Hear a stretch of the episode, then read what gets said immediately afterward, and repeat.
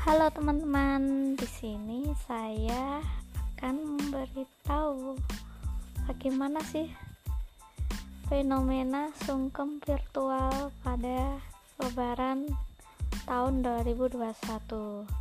Oke.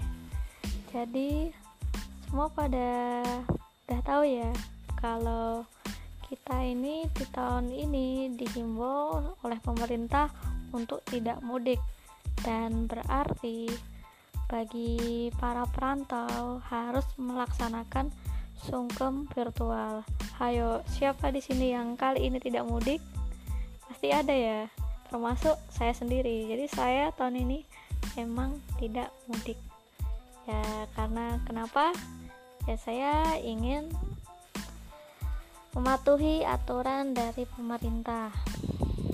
Selain itu, ya emang kalau mudiknya saya duluan saya segerakan sebelum aturan itu dilarang kerjaan saya akan terbengkalai.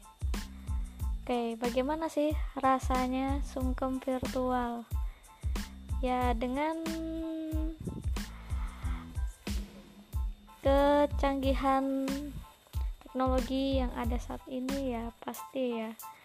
Sungkem virtual melalui platform WhatsApp maupun Google Meet atau Zoom itu menjadi kemudahan tersendiri termasuk bagi saya ya. Pada kemarin saya emang lakukan sungkem virtual dengan siapa? Dengan mbah saya. Ya jadi memang kami udah dua tahun ini nggak bisa mudik. Ya cukup sedih sih rasanya. Emang momennya memang sedikit berbeda dengan sungkem yang seperti biasa.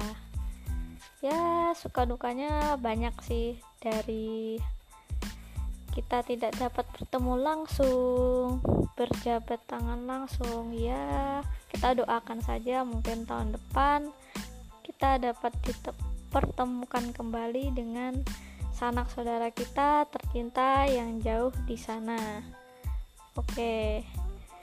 Membahas tentang sungkem virtual mungkin segitu saja dari saya. Kurang lebihnya mau dimakan dah